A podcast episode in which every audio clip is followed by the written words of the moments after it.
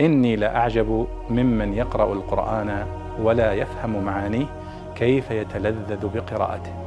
كيف يتلذذ بقراءته.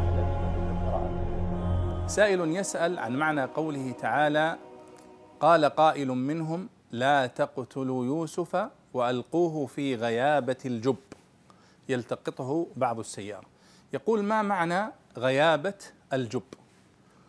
هذه الكلمة وردت في قصة يوسف عليه الصلاة والسلام فقط في سورة يوسف.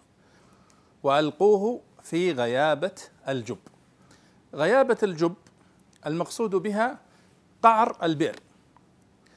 غيابة الغيابة كل شيء غيب عنك شيئا فهو غيابة. وكل شيء أخفى عنك شيئا فهو غيابة.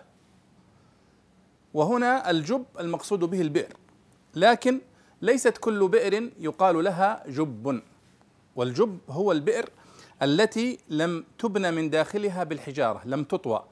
يقولون لها في كتب اللغة وفي كتب التفسير البئر التي لم تطوى. لم تطوى لأن البئر تحفر في أرض غليظة ثم يبنى من داخلها بالحجارة حتى لا تنهال على من بداخله.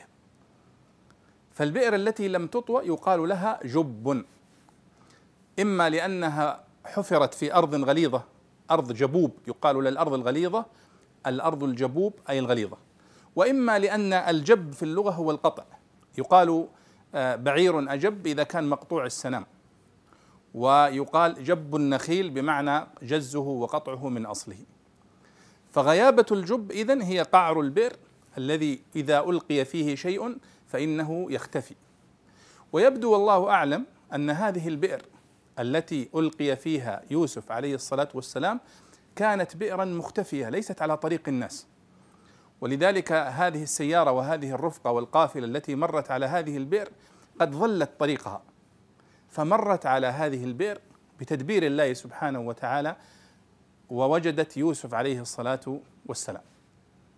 فاذا غيابة الجب هي قعر البئر التي يختفي من يرمى فيها ومن يلقى فيها. وهذا كان هو مقصود إخوة يوسف بأن يرمى في مكان آه، في بئر مختفية لا يراه فيها أحد. وتدبير الله أنه مرت عليه قافلة فوجدوه.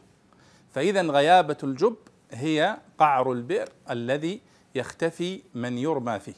غيابة الجب هي ما غيب من يلقى فيه والله أعلم. وهي أصلا مأخوذة من الغيبوبة. وهو بمعنى الاختفاء. فالغيبوبة هي أن يختفي العقل والغيبوبة أيضا في النظر في هذه البئر هي أن يختفي عن النظر. والله أعلم.